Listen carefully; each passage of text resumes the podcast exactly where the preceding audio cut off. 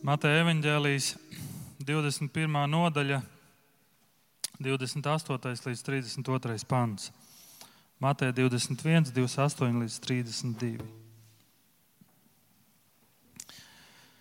Bet ko jūs domājat par šo?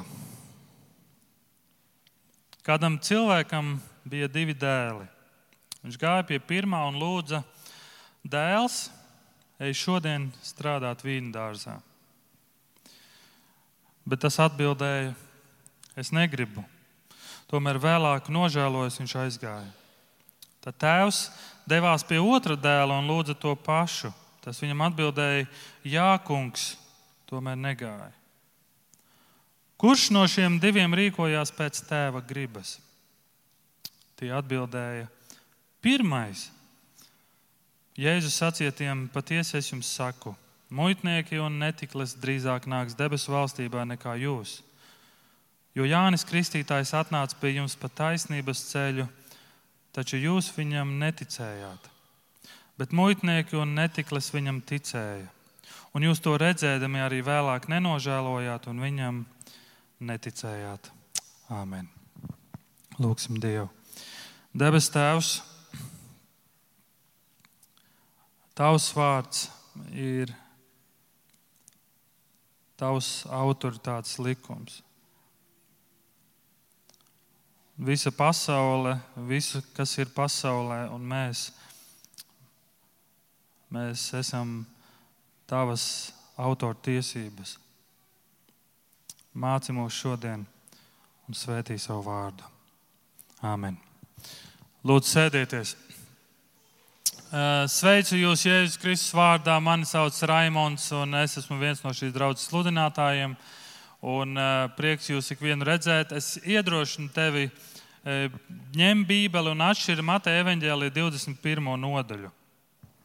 Mateja evaņģēlijas 21. nodaļa. Un, un šī ir kārtējā svētdiena, kad mēs kā draugi varam klausīties Dieva vārdos paša radītāja vārdos. Un kāpēc es saku, atšķirt 21. nodaļu? Es vēlos mazliet, ka mēs atskatāmies un mēs mazliet mēģinam atkal iztēloties un saprast, kur tad mēs atrodamies. Jēzus tuvojas krustam. Jēzus tuvojas krustam, jo viņš to dara, jo viņš mūs mīl. Un viena no lietām, ko Jēzum patīk darīt, viņam patīk daudz stāstīt un mācīt par savu tēvu un par mājām. Viņam mā, patīk mācīt par debesu valstību. Viņš pēc tām ilgojas. Un, kad Jēzus tuvojas Jeruzalemē, viņš saviem mācekļiem vairāk kārt saka, kas viņu sagaida Jeruzalemē. Jēzus ienāk Jeruzalemē ļoti īpašā veidā. Viņš ienāca uz ēzeļmātes, kas ir simbols pazemībai. Jēzu, kāpēc tādā veidā tu nāc uz Jeruzalemi? Kāpēc tu izvēlējies tādu veidu? Kāpēc daudzas citas lietas, Jēzu, tu dari tieši tādā veidā? Un atbildes skan, tāpēc, ka rakstiem ir jāpiepildās. Jēzus nāk, lai piepildītu Dieva vārdus, Un ko tas viņam maksāja? Tas maksāja dzīvību. Tas maksāja Jēzum dzīvību, jo pasaule necieš dieva vārdus. Pasaule ienīst jebko, kas nāk no dieva. Un no tā vien varam secināt, ka pasaule ienīst arī sevi, jo patiesībā Dievs ir pasaules autors. Ja tu savā dzīvē centies piepildīt Dieva vārdus, Tad pasaulē tas nozīmē nāvi, bet mūžības skatījumā tā ir dzīvība. Jēzus ienāk Jeruzalemē, un mēs lasām, ka viņš ienāk un viņš izdzen tirgotājus no tempļa. Mācekļi vien var brīnīties, kā, not, kā notikuma gaita strauji attīstās. Un pēc tam templī ienāk akli un kropli, un Jēzus viņus dziedina, šie cilvēki ir kā simbols, ir Šie cilvēki ir Dieva jaunā draudzene, ir jaunā Kristus draudzene, ko Kristus veido. Un pēc tam atnāk jūdu tautas elite, farizēji, rakstu mācītāji un citi. Un viņi izjautā Jēzu. Un viņi jautā Jēzu, kas tev ir devis tādu varu? Lai tu ietu templī un tagad visu tīrītu, tas nozīmē, tev ir vara. Neviens to tā neuzdrošinātos darīt. Vai tev ir atļauja no Sinedrija? Parādi mums to. Kādā varā tu to dari? Bet Jēzus kā tāds labs skolotājs atbild ar pretjautājumu. Viņš saka, Jāņa kristība ir no debesīm vai no cilvēkiem? Un tas ir tas, ko mēs pagājušajā svētdienā domājām ar mācītāju ģirtu. Jēzus uzdod viņiem pretjautājumu, dodot viņiem vēl vienu iespēju.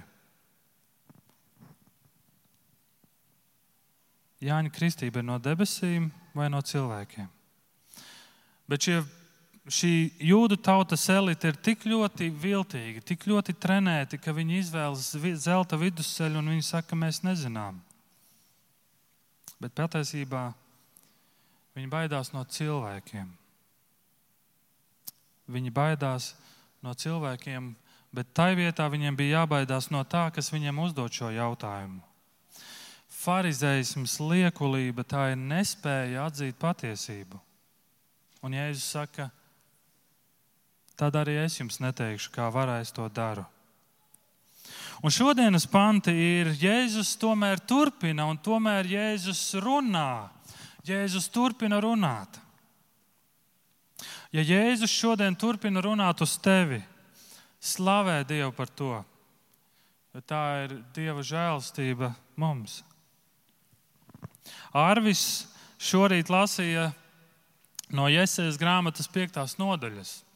Un, ja jūs uzmanīgi klausījāties, tā ir dziesma par vīna dārzu. Patiesībā tā ir mīlestības dziesma par vīna dārzu. Šis pravietis Jēzeja mēģina atrast labākos vārdus, kā pasludināt šai tautai, Dieva tautai to vēsti, ko Dievs grib viņiem nodot. Šī vēsts ir sarežģīta, šī vēsts ir grūta, un pravietim šim iesam bija jānodod šī vēsts Dieva tautai. Dievs izredzēja šo tautu sev, lai viņi būtu gaismas nesēji citām tautām, bet viņi to neizpilda. Ne tikai neizpilda, viņi paši novēršas no, no sava dieva, kas viņus glābj.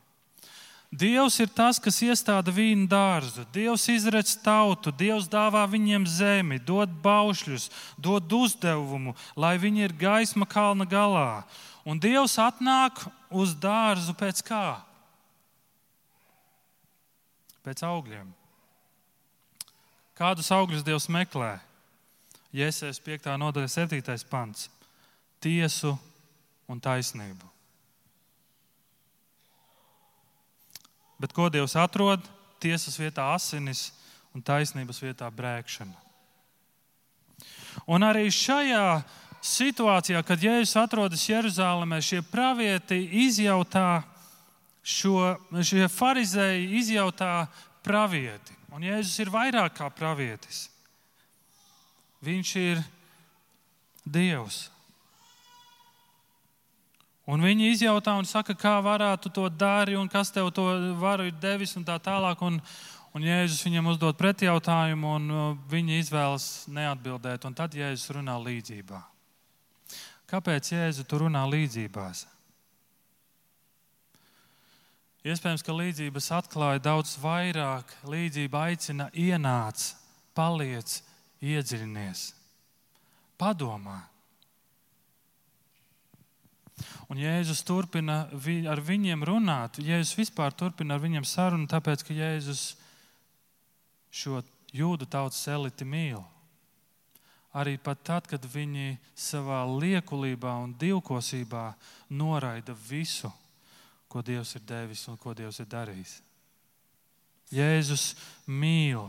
Un kā mēs to zinām, Jēzus saka, pie krusta tēvs piedod, jo tie nezin, ko tie dara. Vecajā darbā ir stāsts par pravieti Nātanu. Viņš bija pravietis, kad Izrēlā valdīja ķēniņš Dāvids. Ķēniņš Dāvids ir tas, kurš nogalināja Goliātu.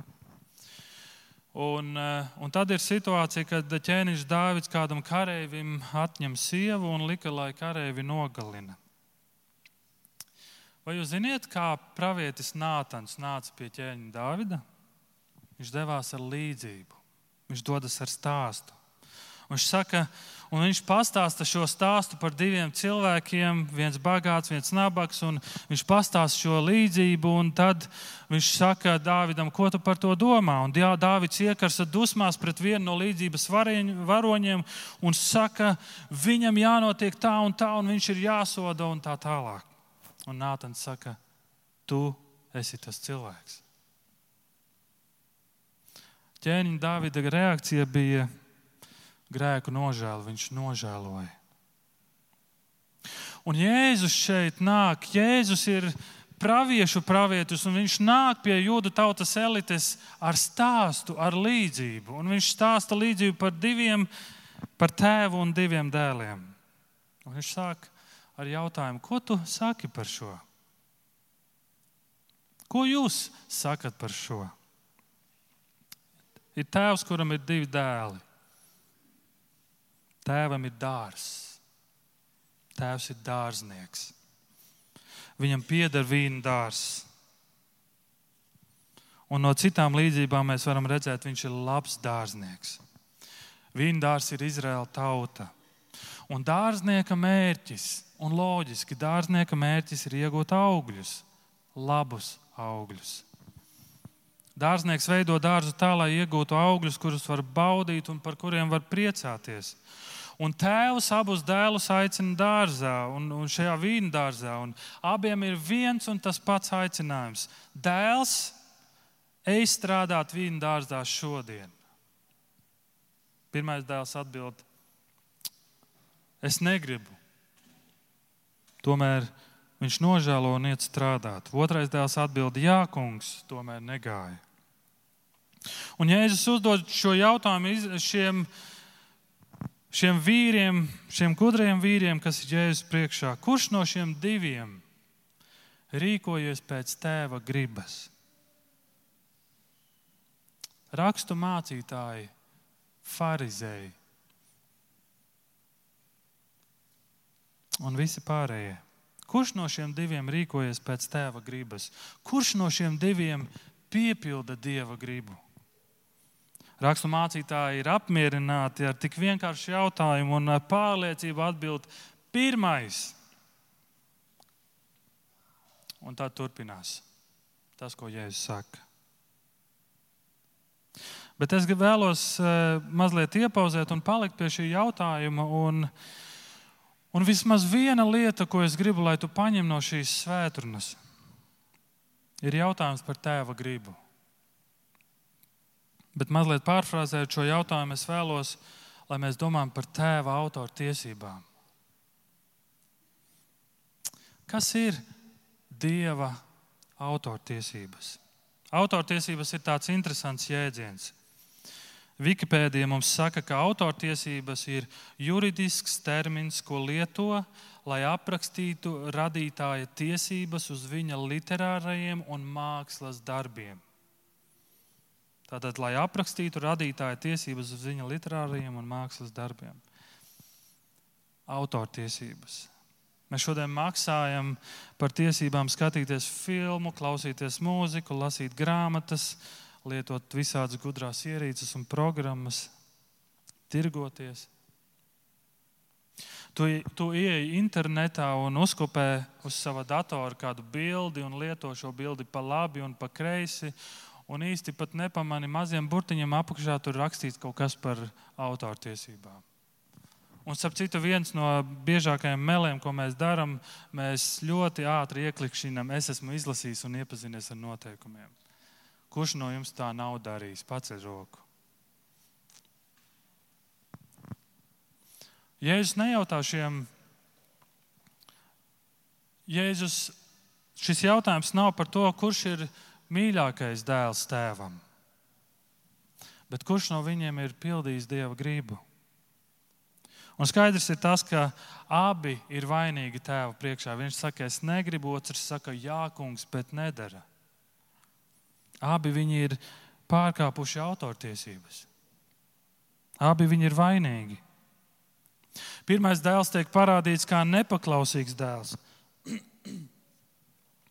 kuram neinteresē tēva darbs, neinteresē vīndārs. Un šis pirmais dēls reprezentē to, ka viņam nav ne mazākās vēlmes paklausīt dievam. Nekas viņu nevelk pie dieva. Viņš ir pats sava ceļa noteicējs, viņš pats sev ir dievs. Un tas jau ir nopietns dieva autortiesības pārkāpums. Taču šis dēls ir patiess. Viņš ir atklāts. Un atklātība reizēm atzīst un saka, es nezinu, kā nokļūt līdz tevīm. Palīdz manai neticībai. Un pat ja atbilde ir nepareiza, taču tā ir patiesa. Un ko mēs redzam ar šo pirmo dēlu? Šis dēls nožēlo un atgriežas pie tēva. Viņš nožēlo, atgriežas un viņš iet strādāt vīndārzā. Otrais atkal ir liels runātājs, pilns ar solījumiem, bet viņa ticība ir tukša. Viņš neatsaucas un nepaklaus tēva aicinājumam, ticība, kurai neseko nekāda rīcība. Jā, es zinu, ko Dievs vēlas. Es zinu, cik svarīgi ir darīt garīgo darbu. Es zinu, ir svarīgi iesaistīties draudzes darbā. Es to zinu. Es esmu to daudz dzirdējis. Starp citu, es katru svētdienu to iespējams dzirdu. Bet nesako atgriešanās augļi, netiek piepildīta dieva griba. Dēls ar divām sejām. Mēs nedzīvojam tā, kā ir paredzēts no iesākuma.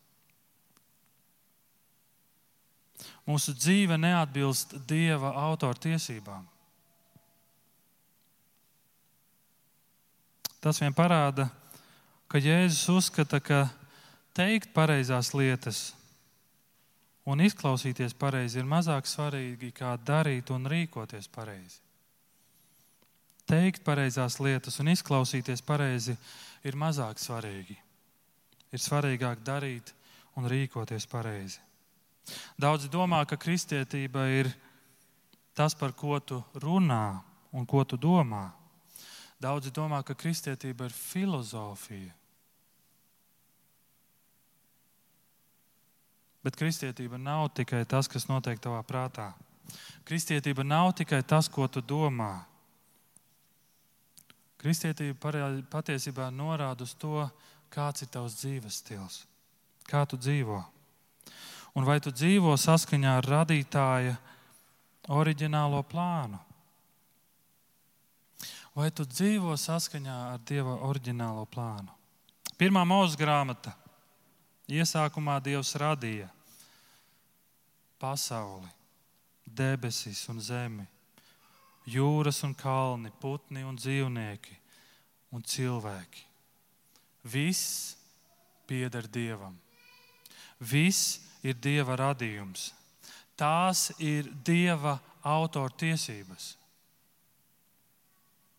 Putni dzied, kurmji rok, aitas kliedz, zāle aug, jūra šalts. Tas ir Dieva oriģinālais plāns. Un cilvēks. Un kas ar cilvēku? Cilvēks iet strādāt vīndārzā. Tas ir Dieva aicinājums. Un tas ir Dieva oriģinālais plāns. Cilvēks iet strādāt dārzā. Strādāt pēc Dieva darba noteikumiem. Tāpēc, ka tikai pēc šiem noteikumiem strādājot, vīna dārzs spēs nest augļus.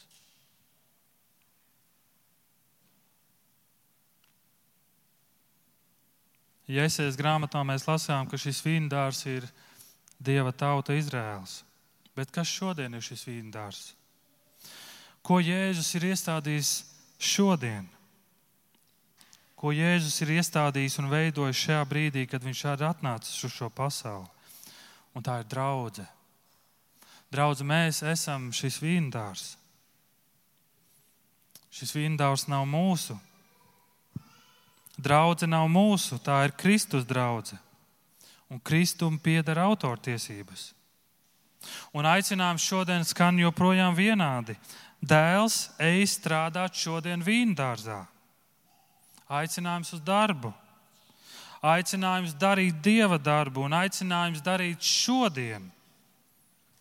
Ebrejiem 3. nodaļa, 12. un 13. pāns. Pielūkojiet, brāļi, lai nevienam no jums sirds nekļūtu ļauna neticībā, atkrītot no dzīvā dieva, bet pamudiniet viens otru ikdienas, kamēr vien var teikt, šodien. Ja mēs jebkad kaut ko domājam iesākt ar Dievu un savām dvēselēm, tad īstais laiks ir šodien. Dēls ej strādā šodien. Tā ir Dieva griba. Tās ir Dieva autortiesības, un tāpēc Dievs to var pieprasīt. Viņš saka, ej strādā šodien. Strādā, dari darbu, dari darbu, kas tevi izglābs.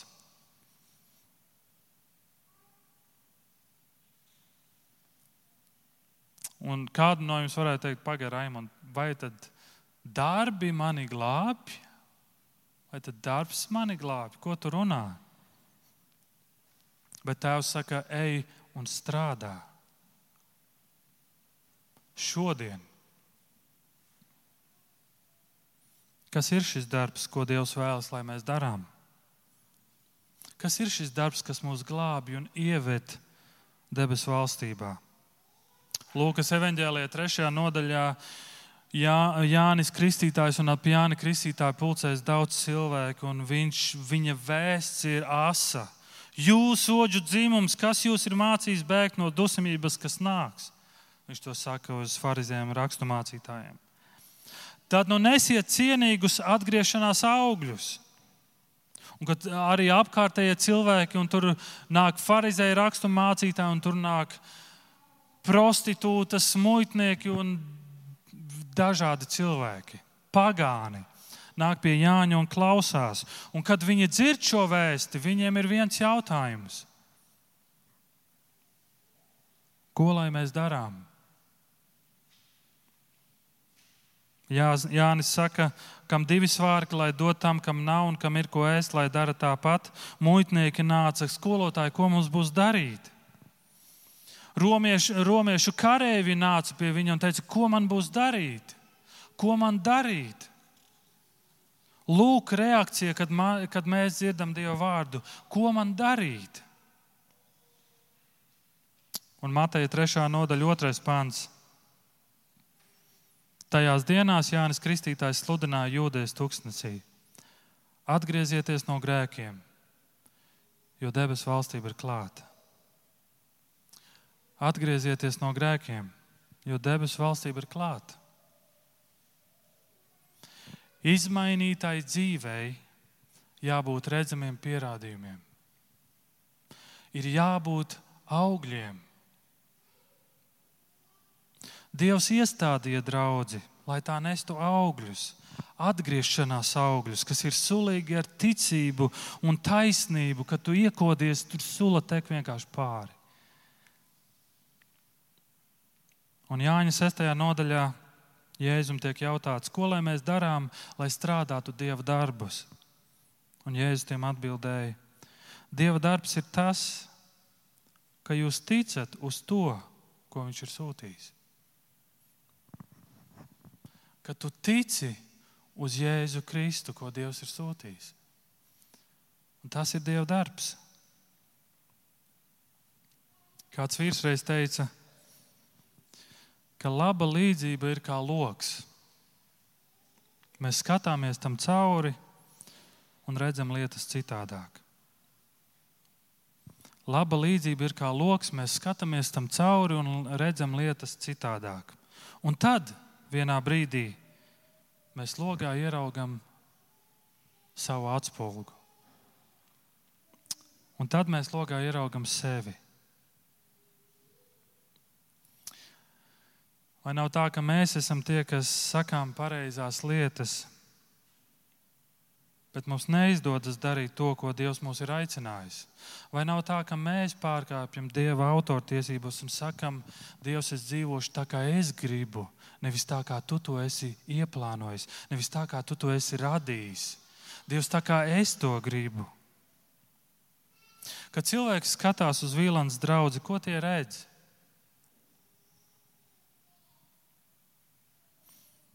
Vai viņi redz māti Terēzi? Iespējams, viņi redz cilvēku grupu, kas domā citādāk. Kas domā citādāk. Bet kristietība nav tikai par domāšanu. Tas nav tikai par to, ko tu domā un kā tu runā. Bet, ja cilvēki redzētu māti Terēzi, tad iespējams atbilde uz aicinājumu nāc uz baznīcu vairs nebūtu, es neticu, neticu visām šīm lietām, bet gan es neesmu pārliecināts, vai es varu šajās lietās iesaistīties. Es neesmu pārliecināts, man ir bailes. Pirmā gadsimta draudzes locekļiem bija tieši tāpat. Cilvēki baidījās no pirmās draudzes. Jo visi redzēja, ka kristietība nav filozofija. Tas nav domāšanas veids, bet, bet, bet gan kardināli izmainītas dzīves. Tu dzīvo pilnīgi citādāku dzīvesveidu.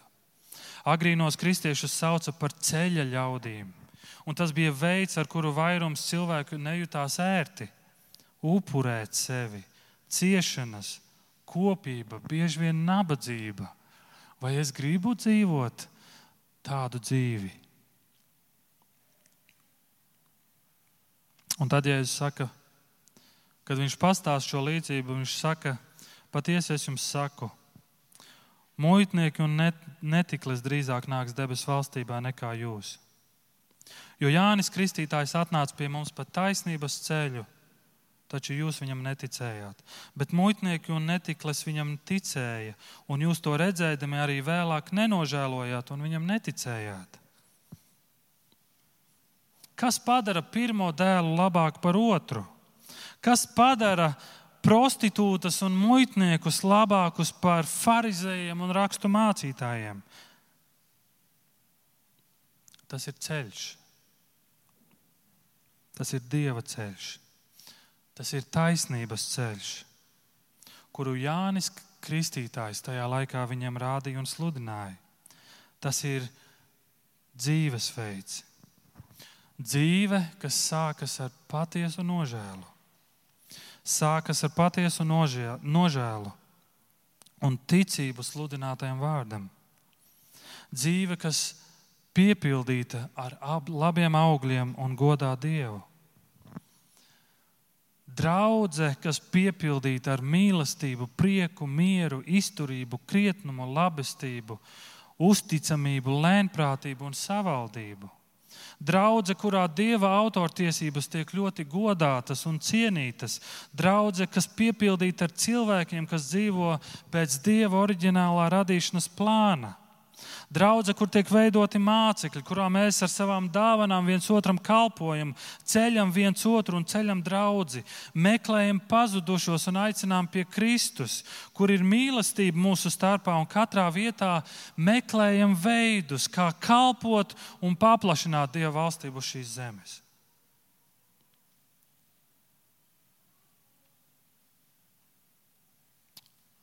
Draudzē Kristus draudzē nav vietas netiklībai, nešķīstībai, izlaidīgai dzīvei, ienaidam, strīdiem, greizsirdībai, dusmām, patmīlībai. Nav vietas.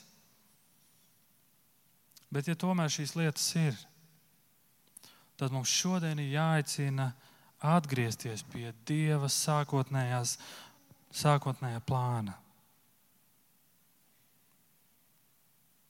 Pirms Kristus tas bija Jānis Kristītājs, kas rāda mums šo ceļu, šo taisnības ceļu, pa kuru iet. Šodien mums ir Bībele. Un Bībele ir Dieva tēva autortiesības rakstītā formā.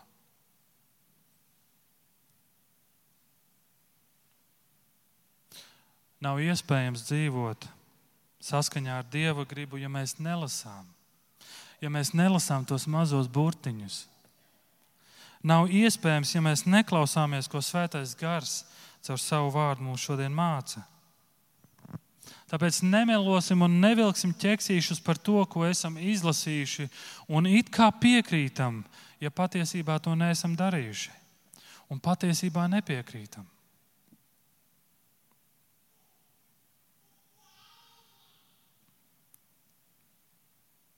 Blais Paskāls bija tāds vīrs, varbūt esat dzirdējuši. Viņš teica šādus vārdus: Dievs nav neviens cits kā mūsu cietsirdības glābējs. Dievs nav neviens cits kā mūsu cietsirdības glābējs. Tātad Dievu varam labi pazīt tikai tad, ja mēs zinām savu grēku, savas nekrietnības. Bet tie, kas ir pazinuši Dievu, nezinot savu nožēlojamību, nav viņu godājuši, bet ir pagodinājuši sevi.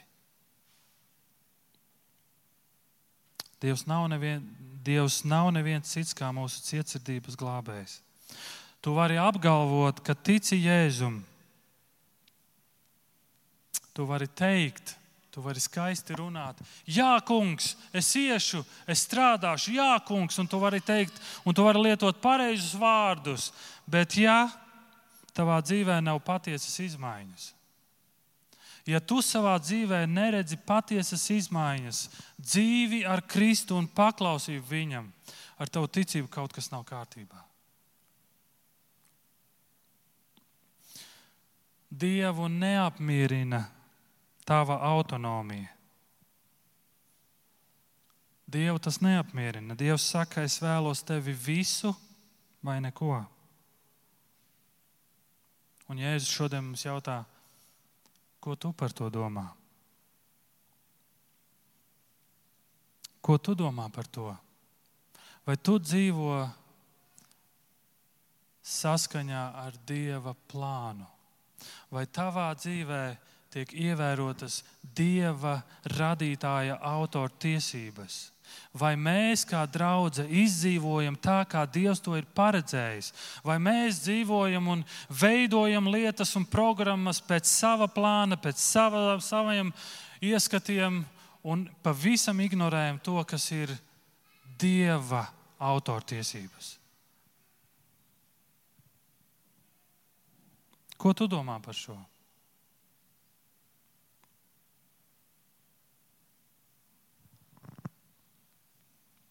Un es vēlos nobeigt ar citātu, ko teica kāds mācītājs un sludinātājs A.W. Tozers. Katrā kristieša sirdī ir krusts un tronis. Kristietis atrodas uz troņa tik ilgi, kamēr viņš neliek sevi pie krusta. Ja viņš atsakās no krusta, tad viņš paliek tronī. Kristietis atrodas uz troņa tik ilgi, kamēr viņš neliek sevi pie krusta. Ja viņš atsakās no krusta, tad viņš paliek tronī. Ja viņš saka, es esmu ceļš un patiesība. Jānis Kristītājs rāda uz Jēzu Kristu, viņš rāda uz krustu. Svētais gars, Bībele mums šodien rāda uz Jēzu, Krust, uz Jēzu Kristu, uz krustu. Un šis aicinājums ir vienmēr atgriezties, nožēlot, mainīt un nest patiesus atgriešanās augļus. Un Jēzum Kristum, Jēzus Kristus saka šo līdzību, jo viņš mīl šo jūdu tautas eliti. Viņš mīl viņus. Jēzus Kristus mums šodien to saka un joprojām aicina. Ja tu saki, jā, es esmu kristietis, bet tavā dzīvē nekas īsti nav mainījies, un tu turpini dzīvot savā grēkā un nespēj no tā atteikties, kaut kas, mīļie, nav kārtībā ar mūsu ticību. Un tāpēc Dievs mūs aicina pārbaudīsim sevi Pārbaudīsim. Un tas ir ļoti svarīgi. Autortiesības ir ļoti smags pārkāpums. Kuram no jums ir nācies maksāt par autortiesību pārkāpumu? Pats liet roku. Mhm. Malači. Kurš no jums kādu reizi ir skatījies filmu nelegāli? Vai klausījies nelegālu mūziku, ņēmuši bildes un tā tālāk? Un mēs Latvijā jūtamies diezgan labi, jo mūsu īsti tā neviens nenoķer. Vācijā tas ir citādāk. Amerikā tas ir citādāk. Amerikā tiesājas un miljonus pieprasa tikai par autortiesību pārkāpumu. Ja mēs pārkāpjam Dieva autortiesības, tad tas, ko Bībele saka, mums pienāks nāve Un tieši tāpēc Jānis Kristītājs nāk un sludina šo patiesības ceļu. Viņš pats iet pa šo patiesības ceļu, viņš rāda šos atgriešanās augļus. Un viņš aicina ikvienu. Un šeit nodaļas beigās ir, un viņš saka, un jūs, rakstu mācītāji un farizēji, jūs piedzīvojāt, jūs dzirdējāt evaņģēliju. Un jūs piedzīvojat arī evaņģēlijas spēku. Jūs redzējāt, kā romietis atgriežas, jūs redzējāt, kā prostitūte atgriežas no saviem grēkiem, jūs redzējāt, kā muitnieki atgriežas. Jūs to visu redzējāt, jūs piedzīvojat evaņģēlijas spēku, un tik un tā jūs neko nemainat savā dzīvē. Tu visu to esi redzējis, dzirdējis un piedzīvojis. Vai tavā dzīvē ir kaut kas mainījies? lūgsim Dievu un lūgšanā pārbaudīsim savas sirdis. Vai ar manu ticību viss ir kārtībā?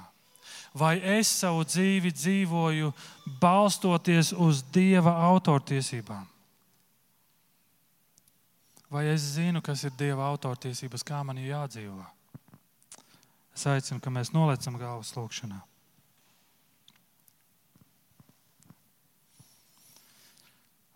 Debes Tēvs, paldies par Tavu vārdu šodien, un paldies, Jēzu, par līdzību, ko Tu šodien mums saki. Un pasaules reakcija uz Tevi, Dievs, ir: Es negribu. Es negribu, man neinteresē. Bet tad, kad tu runā, tad ir atgriešanās. Debes Tēvs palīdz mums ieraudzīt, ka grēku nožēla nav kaut kas ļauns vai negatīvs. Palīdz mums ieraudzīt, ka grēku nožēla var būt kaut kas skaists. Grēku nožēla ir iespēja, ko tu dod mums katru dienu. Debes Tēvs, es lūdzu par Vīlāns draugu, ka mēs Vīlāns draugā esam pazīstami ar to, ka mums nav grūti nožēlot grēkus viens otram atzīties savos grēkos un teikt, Tēvs, es esmu vainīgs. Tēvs, es esmu novirzījies no tavām autortiesībām, es neesmu tās ievērojis, piedod man. Palīdzi, kad grēku nožēla ir tas, kā tāda dēja, ar ko mēs dejojam katru dienu, ka mums nav grūtības nākt tavā priekšā un atzīties un teikt, piedod Tēvs. Sargā mūs no farizēisma, no divkosības. Ka mēs neesam tādi, kas runā skaisti, kas grib izklausīties skaisti, bet kuru dzīvēs nav augļi. Piedod, ka mēs baidamies no cilvēkiem, mēs baidamies, ko cilvēki teiks par mums, ko cilvēki runās par mums. Piedod, ka mums nav šīs apziņas, ka mēs esam tavā priekšā un mums būtu jābaidās vairāk no tevis, ko tu vari darīt un ko tu darīsi ar nepaklausības bērniem. Tēvs, piedod. Tēvs dod mums atgriešanās sirdi, grēku nožēlas sirdi. Palīdz, ka mēs draudzē viens otram spējam izsūdzēt grēkus un dalīties, ar ko mēs cīnāmies, kas ir mūsu problēmas, kas ir mūsu grūtības, ka mēs neslēpjamies un neparādām, ka mēs esam tādi ideālie kristieši un mums viss ir kārtībā. Nav ar mums viss kārtībā, Tēvs. Mums vajadzīga grēku nožēla katru dienu. Tu mums esi vajadzīgs katru dienu. Ak, palīdz mums būt drosmīgiem atzīties savos grēkos un teikt, es gribu atgriezties pie sākotnējā plāna. Es gribu būt tāds cilvēks, kādu tu mani sākotnēji esi radījis. Es gribu iet un strādāt tavā vīndārzā un nest augļus, kas tevi pagodina. Tēvs svētī mūs, maini mūs un dziedini mūsu sirdis, jo ar prātu mēs saprotam, bet sirdis maina tikai to. Un tāpēc lūdzu maini, ka mēs varam savu sirdi pilnībā atdot Tev. Svētīs, lai top tavs vārds. Amen.